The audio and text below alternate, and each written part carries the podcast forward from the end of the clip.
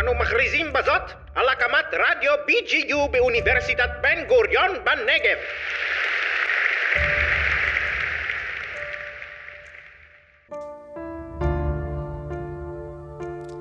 על מיתוס ועל זיכרון, זו הכותרת של השיחה שלנו היום, שתעסוק בספרה של אפרת זקבח, אגדה וזיכרון, מיתוס יחידה 101, בשיח הציבורי בישראל. הספר יצא לאור בהוצאת יד יצחק בן צבי בשיתוף איתנו, הוצאת הספרים של מכון בן גוריון בשדה בוקר.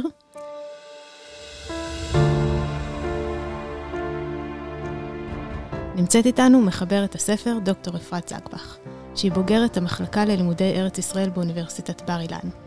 מחקריה עוסקים בהיסטוריה חברתית של מדינת ישראל. הספר, אגדה וזיכרון מיתוס יחידה 101 בשיח הציבורי בישראל, מבוסס על עבודת הדוקטור שלה, שזכתה בפרס ראש הממשלה ונשיא המדינה בשנת תשע"ו. אפרת היא מרצה בחוג לתואר שני במורשת זיכרון וחינוך במכללת אפרתה לחינוך, והיא מורה להיסטוריה ואזרחות. נמצא איתנו גם דוקטור אלון גן, שהוא מרצה בכיר במכללת סמינר הקיבוצים. הוא חוקר את עיצוב הזהות הישראלית לאורך ציר הזמן. הספר שלו, קורבנותם אומנותם, משיח קורבני לשיח ריבוני, עוסק במתח שבין זהות קורבנית לזהות ריבונית בשיח הציבורי. אלון חקר גם את גלגוליו של הפרויקט שיח לוחמים, שאחרי 67. אני יעל דקל מהוצאת הספרים של מכון בן גוריון. הדוקטורט שלי עסק בייצוגים ספרותיים של מלחמה בספרות הישראלית, ואני אנחה את הדיון שלנו היום. שלום אפרת ואלון. שלום. שלום, בוקר טוב. בוקר טוב. אנחנו נמצאים עכשיו בפתחה של התקופה של הימים הלאומיים, ונדמה לי שהשיחה שלנו והמחשבה שלך, אפרת, על זיכרון ומיתוס, יכולה לתת נופך אה, מורכב, מעניין, אקדמי לחלוטין, כמו הספר שלך, עד העצם, אבל גם ישיר וברור, אה, להבנה שלנו את הנושאים האלה, שלפעמים בתקופה הזאת נראים כמו נושאים קפואים, מאובנים. בספר את בעצם מראה את עלייתו ונפילתו של המיתוס, של uh, יחידה 101. כיצד הוא נבנה וכיצד הוא מתפרק בחברה הישראלית. והדינמיות הזו uh, היא בעצם חלק מהזיכרון, שהוא לא נשאר במקום, אלא משתנה בחלוף השנים, גם בשיח הציבורי וגם באופן אולי יותר פרטי. בעצם יחידה 101 פעלה לאורך תקופה קצרה ממש, חמישה חודשים. מאוגוסט 1953 ועד ינואר 54, כיחידה עצמאית, ואז שנתיים נוספות עד מלחמת סיני, כחלק מגדוד 890 של הצנחנים? כמעט שלוש שנים. Mm-hmm. היא בעצם הוקמה בשביל לעשות פעולות תגמול, נכון? את יכולה לתת איזה אולי אבסטרקט קטן על יחידה 101, רק uh, שניישר קו עם אנשים אחרים, אם נשתמש במונח צבאי, ליישר קו. אה, כן, אז יחידה 101, כמו שאמרת בפתיח, הוקמה באוגוסט 1953. אה, היא פעלה במשך חמישה חודשים בלבד. בשיאה היא מנתה כ-50 לוחמים, שזה ממש מעט יחסית אה, למיתוס ש, שיצא ממנה. היא ביצעה בעיקר סיורים ופעולות תגמול קטנות. יש כמה פעולות תגמול ככה יותר ידועות, מבצע כפפות משי, שזה הליכה בלילה מושלג לחברון, פעולה בבריכות שלמה, שבה הם הרגו אה, אה, רופא בליגיון הירדני. יש את פעולת קיביה שהם בעצם ביצעו אותה לא כיחידה עצמאית, אלא בשיתוף עם הצנחנים, פעולה לגירוש בדואים מניצנה, ועוד ועוד פעולות כאלה. כאלה. אבל בוא נאמר שפעולות התגמול הגדולות, שהרבה פעמים מייחסים ל, ליחידה, בעצם בוצעו בשלב המאוחר יותר, לאחר המיזוג של היחידה עם, עם הצנחנים. הם התחילו כגיבורים ממש, נכון? את uh, מדברת על הסופרלטיבים ועל כל, ה, כל המילים הגדולות, גיבורים, גיבורים לוחמים ללא חת, בעלי כושר, דרישות גבוהות, יכולות, רף ביצוע גבוה, כל הדברים האלה, בלי פחד, ממש מייצגים של אתוס הגבורה. Um, ואולי כשאלה ראשונה לכם, אני רוצה לשאול אותך קודם, ואחר כך גם אלון, מי הוא גיבור?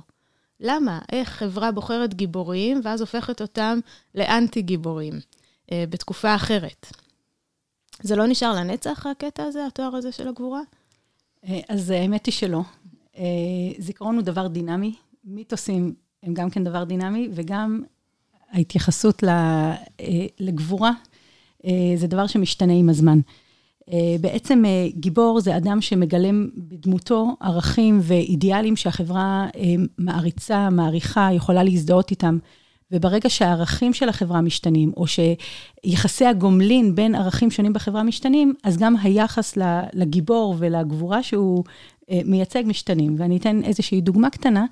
אה, אם אה, בעבר גבורה פיזית הייתה, הייתה במדרג גבוה יותר מאשר למשל מוסריות, אז אדם גיבור נחשב אדם שמגלם בדמותו באמת יכולות פיזיות מאוד מאוד גבוהות ותעצומות נפש, נניח בהסתערות בשעת קרב. אבל אם, ברגע שמוסר הופך להיות בעל ערך גבוה יותר מאשר גבורה פיזית, אז הגיבור הוא זה שיכבוש את יצרו, זה שיגלם אה, דמות מוסרית ולאו דווקא אה, גבורה פיזית. יחידה 101 לא כל כך כבשו את יצרם. תלוי מי, תלוי מתי, זה, זה, זה מורכב. זה מורכב, דווקא מאיר הר ציון, שהייתה המון ביקורת עליו בהמשך, אה, לגבי הדמות המוסרית שלו, אה, לגבי היכולת שלו אה, לפעול כמעט ללא נקיפות מצפון, מתאר המון המון נקיפות מצפון ביומן שלו. הוא כותב על אחת הפעולות, האם המון אדם זועק ומיילל זה הוא האויב, מה חטאו פלאחים אלה? זאת אומרת, הוא, הוא, הוא כן, יש, יש התחבטויות מוסריות. מעניין. וזה לצד פעולה מוחלטת. וזה לצד דבקות מוחלטת במשימה, וכן, ביצוע בכל מחיר. אני אתחיל קודם כל בברכות לאפרת, לדוקטור זגבך. זה ספר חשוב מאוד. זה ספר שעוסק בכל מי שמתעניין אה, בתבנית נוף ההיסטוריה הישראלית, ואיך היא ניבטת ומשתנה ומעוצבת לאורך ציר הזמן. אה, הוא מאוד מחכים, כי יש פה באמת, כפי שפתחנו בשיחה, קשר בין מיקרו למקרו. מקרה הבוחן הוא המאה ואחת. אבל דרך מקרה הבוחן, כל מי שיש לו סקרנות אינטלקטואלית, אה, יכול לראות שזה יכול להתקשר להמון שאלות סביב השאלה הראשונה ששאלת, מי הוא גיבור ומתי גיבור הופך לאנטי גיבור. זה ספר חשוב ותורם תרומה גדולה לדעתי לכל מי שמתעניין בחקר הזהות הישראלית ובקבוצה מאוד משמעותית בעיצוב הזהות, או כלאמץ או להתנגד, אבל שדרכו ניתן ללמוד לא מעט. אני רגע עושה זום אאוט לגבי מי הוא גיבור ואיך הנושא הזה משתנה. צריכים להפריד בין מושג מורכב, שגם אפרת בספר שלה עוסקת לא מעט, והוא גודל העדשה שאנחנו מסתכלים על המציאות הנחקרת. כמעט בכל תקופה אתה תמצא שיש ביקורת על גיבורים. והשאלה היא מאיזה זווית מבט אתה מסתכל. גם על קיביה וגם על הרצח של אה, מאיר הר ציון, או כל הפעולות שאפרת מתארת בספר, אתה יכול למצוא גם בזמן אמת קולות בודדים שביקרו את המעשה. השאלה היא איך אתה מסתכל בזום אאוט ואתה אומר, מהי רוח הזמן? ואם עוד לפני שנעסוק בפרטים של הספר, קחו למשל שני גיבורי על של המהפכה הציונית. רחוקים, יהושע בן נון ובר כוכבא. הרי בספרות החז"לית, בר כוכבא זה בר כוזיבא. והנה הציונות, אני לא צריך כרגע לעסוק, הם הופכים אותם לגיבורי העל, בן גוריון מעריץ את יהושע. ואז בא סמך יזהר וכותב מאמר נגד יהושע. ואז בא יהושפט ארכבי ורואה בבר כוכבא אסון שהמיט עלינו אה, שואה, ככה הוא משתמש במושג. ואתה שואל איך פתאום הגיבורים הכי נערצים, למשל כדמויות עבר מיתולוגיות, הופכים להיות אנטי גיבורים. והסיבה היא באמת, כפי שאפרת מתארת, בעקבות מה שהגל אמר, צייטגייסט, רוח הזמן. שינויים או אירועים מטלטלי זהות, קורה אירוע מסוים, נגיד מלחמת לבנון, עוד מעט נגיע, או לפני זה ששת הימים.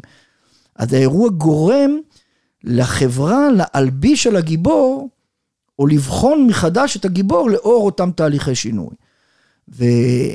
גם בספר או גם במחקרים שאני עוסק, הניסיון לראות מה קורה, מהם הסדקים שגיבור הופך להיות אנטי גיבור, וזה תהליך מורכב, כי יש אנשים עד היום שרוצים לתחזק את הגיבור, וכועסים על זה שהוא הפך להיות אנטי גיבור, ויש אנשים, קבוצות, זרמים, שראו בו תמיד אנטי גיבור, ועכשיו שמחים שקולם יותר נשמע.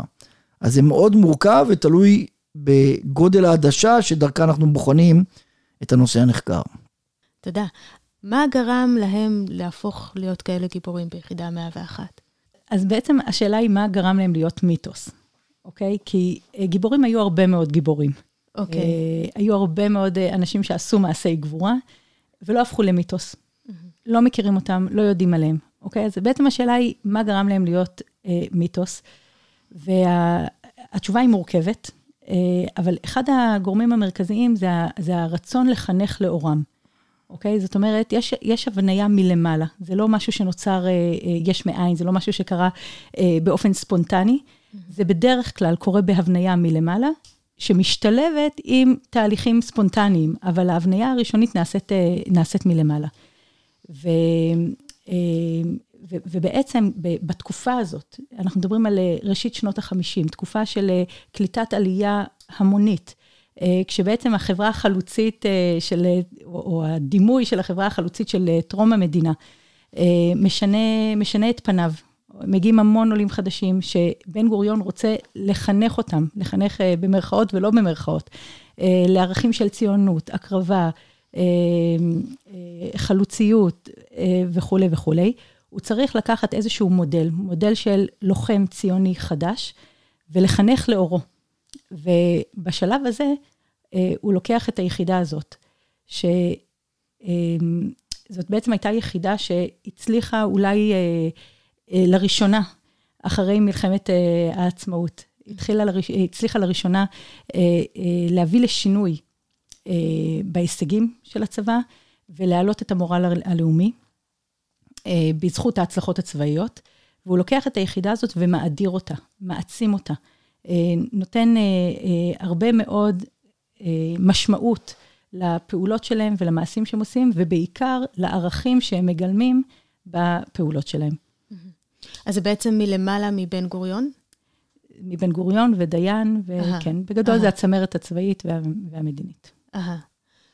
אם, אם ניקח את זה עוד טיפה אחורה, ואפרת עוסקת בזה בספר, האדם אינו אלא תבנית נוף הולדתו, אמר צ'רניחובסקי, אבל האדם או החברה אינה אלא תבנית נוף סוכני החיברות, הסוציאליזציה שלה. והאתוס המרכזי שייסד את המהפכה הציונית, האדם החדש של המהפכה הציונית, אפרת עוסקת בכך, הוא העברי החדש, הצבר, החסון, יפה הבלורית והתואר. זה היה האתוס. כל סוכני החיברות, ספרות ילדים ומוזיקה, אה, ספרות, עיתונות, בכל דרכי חדאהו, ניסו להציב, לייצר. זה היה עד 48, נכון, נגיד הפלמ"ח, הפלמ"חניקים ייצגו את זה, ומ-48, כתוצאה מדברים שאפרת מתארת, או בכלל במחקר, העלייה ההמונית, היו צריכים לחפש את העברי החדש, החדש, הפלמ"חניק כבר, הפלמ"ח פורק וכך הלאה. זאת אומרת, יש פה מצד אחד משהו חדש כביכול, שממשיך משהו ישן יחסית. ה- האתוס, המיתוס, דמות העברי, הוא הצבר הקלאסי, הלוחם, החסון. עכשיו, המאה ואחד, הם המייצגים המרכזיים, כפי שאפרת הראתה, גם בעיקר מלמעלה, אבל גם מלמטה. מלמטה מתוך הם, אנשי ההתיישבות ובאים מהחקלאות, הם ממשיכים את אה, אתוס המשק והנשק. ובעצם כל ההתנהגויות, ההתפרעויות, נתפסים כמעשי משובה, נתפסים כשובבות, כדברים שהם אה, כזה קריצה, הם לא בדיוק צייתנים, הם, לא יודעת, בקטע נחמד. תלוי, בהתחלה. אה, כן, והאמת היא שגם תלוי, אם אתה בצד הנפגע זה כמובן לא נתפס בעיניך כדבר נחמד, אבל אה, כן, התייחסו לזה מאוד בקריצת עין, בחביבות, הם נתפסו כפורעי חוק חביבים כאלה, ושמותר להם, ובסך הכל הם בחורים טובים. ז- זאת, וזה גם הדימוי. כשהם פורעי חוק, ונגיד כמו ג'יבלי, אני לא זוכרת איזה מהם, ש... יצחק ש- ג'יבלי. אוקיי, אז את רוצה לספר עם המשטרה הצבאית ומה שקרה שם, האקורדיון או לא האקורדיון? אוקיי, אז האמת היא שהסיפור שם לא, לא לגמרי ברור, יש כמה גרסאות לסיפור הזה. אה, מה שידוע זה שיצחק ג'יבלי אה, אה, נסע ברכב צבאי בשבת ללא רישיונות מתאימים, ותפסו אותו שוטרי משטרה צבאית אה, בצמח, אה, הוא נעצר, משום מה התפתחו שם אה, חילופי מהלומות, והוא חטף מכות משוטרי המשטרה הצבאית. בתגובה לזה, הגיעו אנשי יחידה 101 וביצעו בעצם פעולת תגמול נגד אנשי המשטרה הצבאית. וברמה כזאת שאנשי המשטרה הצבאית אושפזו בבית חולים עם שברים בגופם. הסיפור הושתק.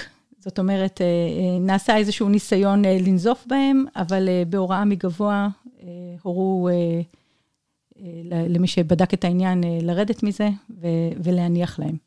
וואו. וואו. רק, רק אגב, בשנות ה-70 נשמע הסיפור מהצד של, לוחמ... של אנשי המשטרה הצבאית, וזה היה נשמע הרבה פחות מבדח. אז ככה הם הגיבורים, הם יכולים לעשות מה שהם רוצים ואז משתיקים את זה? בתקופות שהם הופכים לגיבורים, או המיתוס, או ככה, כשהם מיתוס, הם פשוט יכולים לעשות מה שבא להם? זה מאוד תלוי, שוב, אם נעשה עכשיו לרוח התקופה, כמו שאפרת מתארת בספר, שנות ה-50 וה-60 הם עדיין שנים שבהם אה, לעיתונות יש צנזורה גם חיצונית וגם צנזורה פנימית, או בכלל בשיח הציבורי. הרבה יותר קל להשתיק, לעומת אה, היום בעידן שלנו, כמעט בעידן הרשתות, אה, נגיד שאני מלמד סטודנטים, אם אתה לא מסביר מה זה תקופה אחרת, שבהם היכולת להשמיע קול, להשמיע קול חתרני, הוא כמעט ולא נשמע, אז, אז יש. עכשיו, גם, גם אם, כמו שאפרת תיארה, זה שוב, הם הפלמחניקים החדשים. והרוח הזאת של הפלמ"ח היא רוח שהיא אנטי משמעת, היא רוח שאפשר לגנוב תרנגולות, היא מה שרבין קרא תרבות הסחבק, הסמוך וכך הלאה, ואז יש אווירה מחויכת. אבל חשוב לראות שגם אם אני חוזר לזום אין, אתה רואה למשל, אולי אפרת תתייחס לזה בהמשך, על פעולת קיביה, או על מאיר הר ציון, ואתה רואה מה אנשים בזמן אמת כותבים אחרי שנודע להם, אז אתה רואה שיש קולות שלא יכולים להבין בכלל את הדבר הזה. מה משה שרת כותב, אבל הוא אומר את זה, זה לא נשמע פומבי, ביומן שלו. זה דבר שלקראת, אם תהיה אפשרות אני אקריא, כי זה אחד הדברים הכי חשובים. מה לייבוביץ' כותב, אחרי קיביה. כן. בזמן אמת, זאת אומרת, היו קולות, הם אז היו יותר, אני מדבר בזמן שהם היו הגיבורי העל של, של הדמות הרצויה, שזה לא התאים להם. אבל הרוח הכללית אה, ביקשה להעצים אותם ככאלה, והקולות האלה או הושתקו, או צונזרו, או אם נאמרו, היו מעט אוזניים קשובות, אבל היו. אם אפשר אה, להוסיף משהו קטן, אה, בעצם אחת הסיבות שהדחיקו, השתיקו, התייחסו בחביבות לפעולות הפחות אה, חיוביות שלהם, הייתה בגלל שהם נתפסו כאלה שמחוללים את השינוי. זאת אומרת, הייתה תפיסה שהצבא והמדינה זקוקים להם, ולכן עדיף להעלים עין ממעשי קונדס למיניהם, או לכנות אותם כמעשי קונדס, ולהעלים עין מהפעולות הבעייתיות שהם עשו, כדי לאפשר להם לפעול. כי באמת הם נתפסו כמי שמחזיקים את, את הצבא כולו. אה, כמו שאמר אה, לבון, פנחס לבון, שהיה אז שר הביטחון, הוא אמר, אני חושב שההצלחות היו של יחידה אחת, הכישלונות היו של כל צה"ל. אז לא, בעצם הרגישו שאין כל כך ברירה, וצריך ללטף את היחידה הזאת, לחבק אותה, להעלים עין ממה שלא כל כך מוצלח, כדי לאפשר לה להמשיך לפעול. אני רוצה לשאול, אולי, כמה קולות כאלה מבפנים היו? כמה קולות שהעבירו ביקורת, או הצביעו על המורכבות המוסרית, או על נקיפות המצפון, או על כל הדברים האלה? היו קולות כאלה מבפנים, נכון? דיברת קודם, הזכרת שמאיר הר ציון כתב ביומן שלו, היו עוד כאלה? כן, בוודאי. אמ, ביחידה 101, אולי אה, זה עוד משהו, נקודה שחשוב להבין, ביחידה 101 שילבה בתוכה גם לוחמים צעירים שזה עתה התגייסו, וגם לוחמים שבעצם אה, אריק שרון אה, גייס מהעבר שלו. אנשים שהם יותר בוגרים, אנשים שבעצם גייס למילואים לתקופה של חצי שנה. ודווקא אותם בוגרים, בוגרי מלחמת העצמאות, אנשים עם יותר ניסיון, אה, היו יותר ביקורתיים בכל ההיבט המוסרי. Mm-hmm. אחד מהם זה אה, שמואל ניסים, פלאח, שהוא, כשהייתה פקודה לבצע איזושהי פעולה ברצועת עזה, הוא ביקש משרון לא לבצע את הפעולה הזאת, כי הוא לא רצה לפגוע בנשים וילדים, הוא חשב שלפעולה הזאת אין תכלית ראויה, ושרון שחרר אותו. מהפעולה, שלח אותו לבצע פעולה אה, אחרת נגד אה, קצין מודיעין, אה, אוקיי. שגם כן גר ברצועת עזה. אהה, אהה, מעניין. ואתם חושבים שלביקורת שבאה מבפנים, מוסרית, אני שואלת עכשיו בעיקרון על צבא ומוסר ושאלות קצת יותר גדולות. ביקורת שבאה מבפנים, או מחשבות שניות ו- ו- ומצפוניות ש- שמגיעות מבפנים, הן יותר ערכיות, מורכבות, שוות, מאשר, נגיד, ביקורת בעיתונות. אני חושבת שהיא יותר אותנטית, והיא פחות סופגת ביקורת. Mm-hmm. זאת אומרת, ביקורת מבחוץ, אה, תספוג ביקורת על אתם לא הייתם שם, אז איך אתם יכולים בכלל לדבר? נורא נוח לשבת אה, בחדר הממוזג או בכורסת הטלוויזיה ול, ולמתוח ביקורת. Mm-hmm. אה, כשביקורת מגיעה מבפנים, על ידי מי שביצע אותה, יש לה יותר תוקף, בעיניי לפחות. כן, כן. וככה זה גם בשיח לוחמים אחרי 67? כן, לכל אורך השנים, אני חוקר את דמות היורה והבוכה. מה זה יורה ובוכה? זה אדם שמנסה לאחוז בשני חלקי ההגדרה. כן לראות, למרות הסתירות הגלומות בה, של ההגדרה, אבל כשאני אומר לבכות, זה לשאול שאלות מוסריות. עכשיו, לכל אורך השנים, במינון כזה או אחר, תלוי באיזה קבוצה, באיזה אווירה, היו אנשים מתוך המערכת שניסו לשאול איך אני משלב את... אה, בוא נקפוץ בשנים, כי זה מאוד רלוונטי. היום זה נקרא, בהתחלה זה יותר מאוחר הקוד האתי, ואחר כך רוח צה"ל. ברוח צה"ל, מה שכל חייל מקבל כחובה, וסטודנטים כותבים לי עבודות סמינריונות עד כמה זה מיושם הלכה למעשה. עד אלאור עזריה, ויש עשרה ערכים, וכתוב שם ערך אחד דבקות במשימה, וערך שני תואר נשק. זה, זה היום מופיע. ברור לכולנו שאלה ערכים עם סתירות פנימיות. אם אתה רק דבק במשימה, אז אולי תואר הנשק לא מעניין. אין כרגע זמן, אולי אפרת אחר כך תתייחס, היה ויכוח מאוד מעניין על המושג הזה, כולל במאה ואחד. האם יש בכלל דבר כזה? מי, מה זה תואר, מה זה נשק? אפרת עוסקת בכך.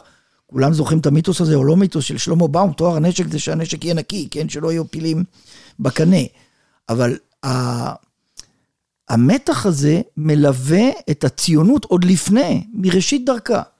האם אנחנו רק יורים, עושים את מה שצריך, או יש גם איזה מגבלות על השימוש בכוח. אז אתה רואה לאורך השנים את השיח הזה גם כשיח פנימי, חיילים עוסקים בשאלות ומבטאים זעזוע, כן? החל מחיר בית חיזה של סמך יזהר שהוא מתאר בזעזוע גירוש כפר, על רקע סיפור אמיתי, ועד שיח לוחמים בצוק איתן, שיצא אה, לא מזמן, אתה יכול למצוא, בזה אני עוסק, במאה ואחת, למרות שאפרת מתארת נקודות כאלה, זה מאוד היה פנימי, והביקורת היותר קשה הייתה, בהתחלה לפחות, הרבה יותר חיצונית. זאת אומרת, אה, אה, אנחנו מנסים, אם אני כבר רגע בקצרה, הסיפור שכולנו מכירים, שמאיר הר ציון מחליט לרצוח עם כמה חברים אה, כפעולת תגמול או פעולת נקמה, או היום נקרא לזה תג מחיר, את אה, אה, ארבעה בדואים שלא קשורים, שרצחו, אה, הם לא רצחו, לא כפעולת תגמול על רצח אחותו, אז אתה רואה, אם ניקח את זה כמיקרוקוסמוס לכל התהליך, מה קורה שם? החבר'ה מטייחים, צוחקים, לא צוחקים, אבל יש פה איזה... ואני קורא, אבל כמו שאני אומר, זה היה שיח מושתק, יותר מאוחר מתחילה הביקורת. אבל כשיודעים מה זה, אז אנשים מביעים זעזוע.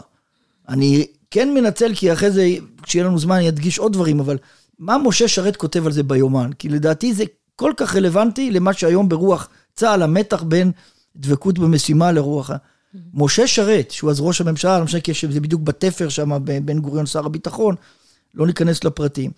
הוא כותב ביומן את אחד המשפטים שאני חושב שגם בצבא וגם בחברה הישראלית צריכים ללמוד. הוא מזועזע ממה ש...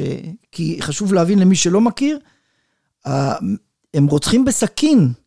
ארבעה, אחד משחררים אנשים שלא קשורים למה שקרה. ואז אני מצטט, שרת אומר דבר כזה, טעיתי על מהותו וגורלו של עם זה, המסוגל לעדינות נפש כה דקה, לאהבה עמוקה כזו של הבריות, לשאיפה כה כנה לנאה ולנאצל, ועם זה הוא מוציא מתוך שורות טובי הנוער שלו בחורים המסוגלים לרצוח נפש בדעה צלולה ובדם קר על ידי תקיעת סכינים בגופותיהם של בדואים צעירים חסרי מגן. ואז הוא שואל את השאלה החשובה, איזו משתי הנשמות המתרוצצות בין דפי התנ"ך תנצח את יריבתה בקרב העם היהודי? וואו. אז השאלה, הוא, הוא היה מודע לזה ואחרים. לאורך השנים, מה שאפרת מראה, שמה שכמעט לא היה, או היה בצנעה, כתוצאה משינויים, המימד הביקורתי או המימד המוסרי, הולך ותופס יותר בולטות. פרשת לעוון, ששת הימים, 73, מלחמת לבנון, אפרת עוסקת בזה בתחנות שסודקות את מימד הגבורה המיתולוגי. אם אני יכולה ככה באמת אה, להשלים את, ה, את התמונה שאלון הציג כאן, אה, אז בעצם הערכים של החברה הישראלית בשנות ה-50 היו ערכים מאוד אקטיביסטיים. ולכן, בסיפור הזה של אה, פעולת הנקם של מאיר הר ציון, אה, גולדה מאיר אומרת, אין כמעט איש בארץ הדן אותם לכף זכות, דעת הקהל בהחלט לצידם. זאת אומרת, הציבור הרחב, נכון, היו קולות ביקורת מעטים מאוד, אבל בגלל שדעת הקהל, אה, או או רוח התקופה הייתה אקטיביסטית, כן? זה, זה, זה היה הקו המנחה של החברה באותה תקופה, אז אה, באמת הקולות הביקורתיים היו יותר במחתרת, יותר בצנעה, כמעט ולא נשמעו. הם נשמעו, mm-hmm. אבל כמעט לא היה להם הד. ועם השנים, כשדעת הקהל השתנתה, כשהערכים של התקופה השתנו, אז הגישה המתונה אה, גברה, והגישה האקטיביסטית פינתה את מקומה באמת לאתוסים אחרים ולגישות יותר מתונות, ואז הקולות האלה צברו יותר תאוצה וקיבלו יותר, אה, יותר מקום באמת. מה הם דיברו על טוהר הנשק, מה שהזכרת קודם? אז כמו שאלון אמר, הם אמרו שנשק לא צריך להיות טהור, הוא צריך להיות נקי. אה, ובאמת היה ויכוח, אה, גם רפול אמר את זה בהזדמנויות שונות, שלמה באום אמר את זה בהזדמנויות שונות. אה, מאוד דיברו על, על המושג הזה של טוהר הנשק, ש, שזה מושג שהוא... אוקסימורוני. הוא לא שייך, כן. הוא פשוט לא, כן. לא קיים. כן. כאן, כאן כדאי לראות דבר מעניין. כי פה יש קפיצת מדרגה שהמאה ואחד סוטים מרוח הפלמ"ח. לוקחים איזה עוד שלב. כי יצחק שדה, לפחות ברמת ההצהרות, לא שהפלמ"ח לא עשה דברים קשים ביותר שסותרים את טוהר הנשק, זה לא הנושא.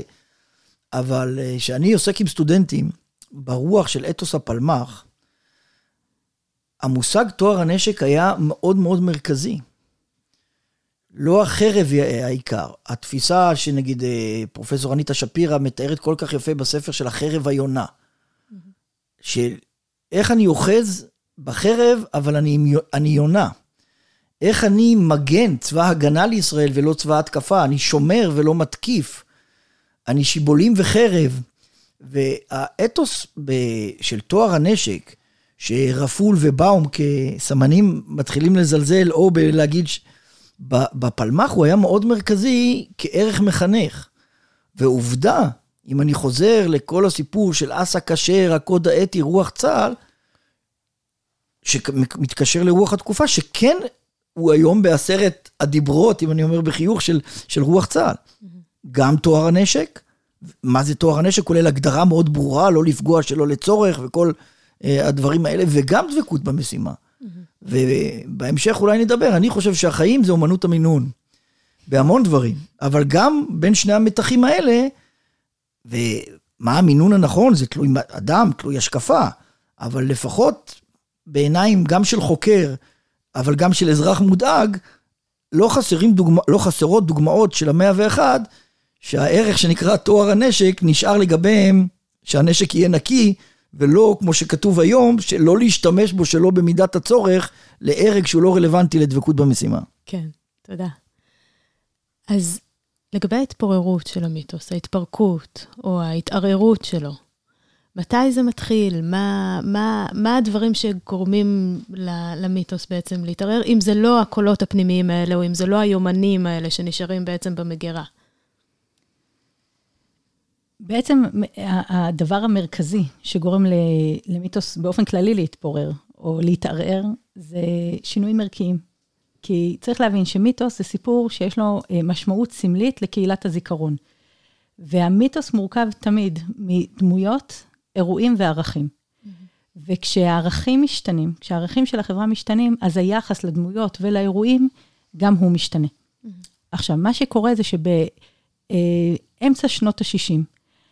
החברה הישראלית כבר לא נמצאת באיום קיומי. היא כבר מרגישה יותר מבוססת. אפילו הכלכלה מתחילה, נכון שהיה שם איזשהו משברון כלכלי, אבל הכלכלה מתחילה להתייצב ולהסתדר. וכל מיני ערכים ליברליים נכנסים לחברה הישראלית. אפשר לראות השפעות של אמריקניזציה כבר בתקופה הזאת, והערכים של החברה משתנים. ובמסגרת שינוי הערכים הזה, גם המיתוס מתחיל להתערער. מתחילים לבחון אותו בעין ביקורתית, מתחילים לשאול שאלות מוסריות. שוב, הערכים משתנים, אז מתחילים לשאול את השאלות האלה. בהתחלה זה זרזיף דק, הסמן הבולט ביותר של הזרזיף הזה זה עיתון הארץ, שהוא מתחיל בעצם לשאול את השאלות. ואחרי מלחמת ששת הימים, כשהמתח הזה בין המוסר לגבורה, בין המלחמה על, על הקיום של העם היהודי בארץ ישראל, לבין שאלות וסוגיות מוסריות, כמו הרג, רצח בעצם, של שבויי מלחמה ברחבי סיני, כמו שליטה על אוכלוסייה אזרחית, פלסטינית, וכל המתחים והסוגיות המוסריות שנסובות סביב זה. כל השאלות האלה מעלות שוב גם את השאלות המוסריות, או מחזקות את השאלות המוסריות לגבי המיתוס של יחידה 101, ו- וזה לא סתם, זה, זה קורה משתי סיבות. סיבה ראשונה, זה בגלל שבאמת מיתוס יחידה 101 היה מיתוס מאוד מאוד מכונן בצבאיות הישראלית. והסיבה השנייה, שמפקדים בכירים מאותה תקופה של פעולות התגמול, שימשו כמפקדים בכירים במלחמת ששת הימים, אם זה אריק שרון, אם זה מוטה גור, ואחרים. בעצם ששימשו בתפקידי מפתח. ולכן יש כל הזמן התייחסות גם למיתוס, וכל הזמן השוואה בין התקופות. אבל אין לוחמים לשלום מקרב יחידה 101, נכון? זה לא נכון. הם מעטים, קולם לא נשמע. אני יכולה ככה אולי לומר באיזושהי אנקדוטה, שבערב ההשקה שהיה ביד בן צבי לספר, השתתפו כמה לוחמים, ואחד הלוחמים ש, שגם דיבר היה דוד בן עוזיאל, טרזן, והוא דיבר על שרון. ותוך כדי שהוא מדבר, אני מקבלת הודעות וואטסאפ וסמסים ומיילים מלוחמים אחרים, ש... שאמרו, רגע, לא, זה לא היה ככה, לא, זה לא נכון, היו גם דברים אחרים, יש גישות אחרות. אחר כך גם קיבלתי טלפונים של אנשים שאומרים, תדעי לך שהיו גם גישות אחרות. שהיו גם אנשים שהתנגדו למה שקרה שם. וואו. או שראו את הדברים בזה, שהוא, ש... בקיצור, מתחו ביקורת על כל מיני דברים שקרו שם. Mm-hmm. אבל הקול שלהם באמת היה יותר מוצנע ויותר מושתק. Mm-hmm. תודה. זה, זה גם ההבדל בין שיח פנימי לשיח חיצוני, זאת אומרת, שיוצא מתוך גבולות הצבא. אני אגיד משפט אחד, ואם יהיה זמן, אני רוצה למקם את זה בכלל בקונטקסט יותר רחב, אבל הזכרתם שאנחנו בתקופה שלקראת יום הזיכרון וימי הזיכרון, ואתה רואה, אם אני קופץ קדימה בשיח לוחמים, שיצא אחרי 67, עדויות מזעזעות שהיו בשיחות אבל צונזרו. ולמה אני מקשר את זה ליום הזיכרון? כי בשיח לוחמים יש אנשים שדיברו ב-67 ונהרגו שש שנים לאחר מכן, ב-73. והם לא הוכנסו לתוך שיח לוחמים המוכר, אבל שמה, בעקבות הרג שבויים בסיני וכך הלאה, יש תופעה שאני קורא לה, עד כמה שהיא קשה, הגרמני שבחייל היהודי, לא מבחינת שאני אומר את זה ממבט חיצוני, אלא שחיילים, אדם שהוא איש הקיבוץ המאוחד, איש, מי שזה אומר לו משהו, זה ארץ ישראל השלמה, אחדות העבודה. הבן של יוסקר רבינוביץ', קובי רבינוביץ', לחם בסיני, ואומר, עכשיו אני מבין איך שלטו בגרמניה, אחרי 67. כי ההוראה הייתה להשמיד את הצבא המצרי, והוא היה עד שקצרו שם לא מעט מצרים שניסו לברוח או הרימו ידיים.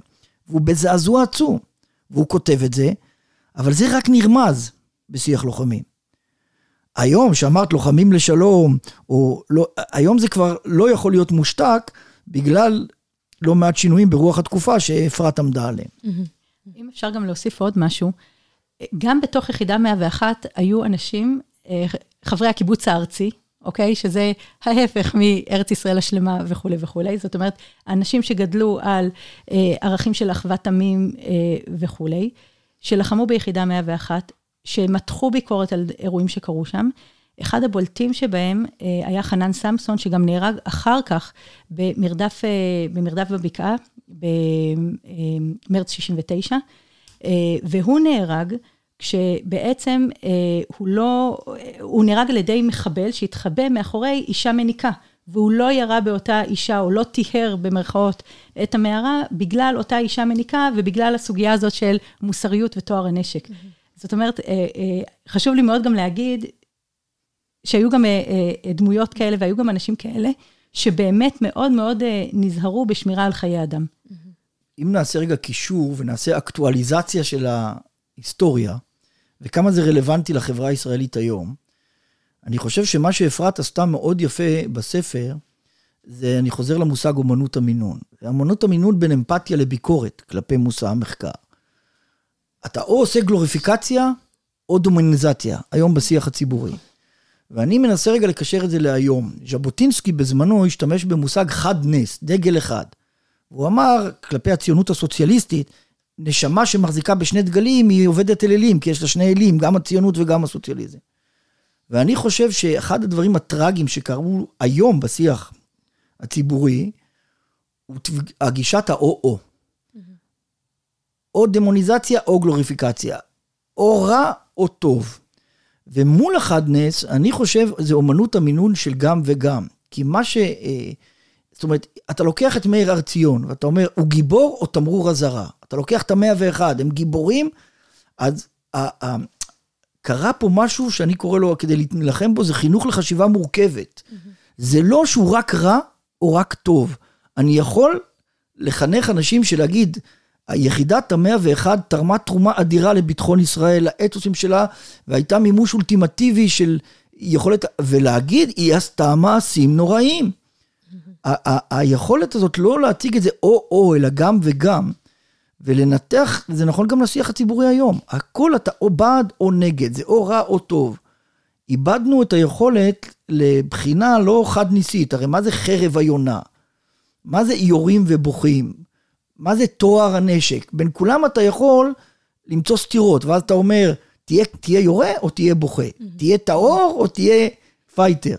ואני חושב שהדבר החשוב זה לנסות לאחוז בשני חלקי ההגדרות האלה, למרות הסתירות שגלומות בהם.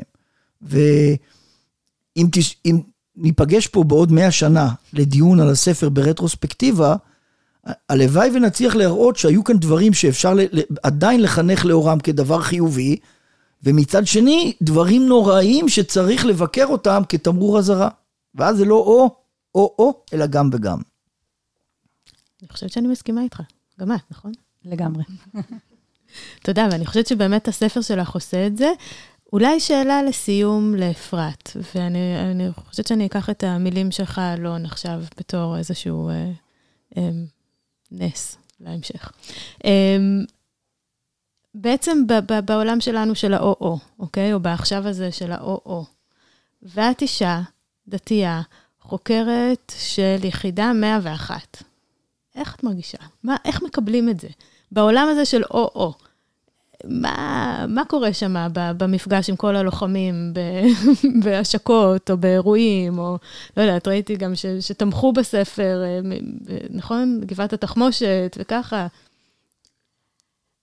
אה, זה, זה מה מורכב. מה את עושה שם בגבעת התחמושת? כן. האמת היא שזה מורכב. Uh, הרבה פעמים, uh, בעיקר בהרצאות לקהל הרחב, לא, לא לקהל אקדמי, uh, כשרואים אותי עם כל ה... עם כל התלבושת, אה, קשה להכיל את זה. אה, בעיקר אה, גברים, מבוגרים, שלחמו במלחמות ישראל, מסתכלים ואומרים, גם אישה, גם צעירה, גם דתייה, מה היא כבר יכולה להגיד לנו? מה היא כבר יכולה לחדש לנו? ואני נתקלת המון בניסיון כזה להתקיל, בניסיון לחפש איפה אני טועה. זה, זה בסדר, כן. זה חלק מההתמודדות בחיים, mm-hmm. וזה בסדר. Mm-hmm. תודה רבה. תודה אמ, רבה. אז אני חושבת שאנחנו נסיים כאן, ותודה רבה לאפרת ועל הספר שלך, ו- ועל כל מה שלימדת אותנו, לדוקטור אפרת זקבך ולדוקטור אלון גן. תודה לרדיו BGU ולבוזי רביב על האירוח של התוכנית. שיהיו ימים קלים ולאומיים כמה שאפשר, במידה, גם וגם. תודה רבה. תודה רבה.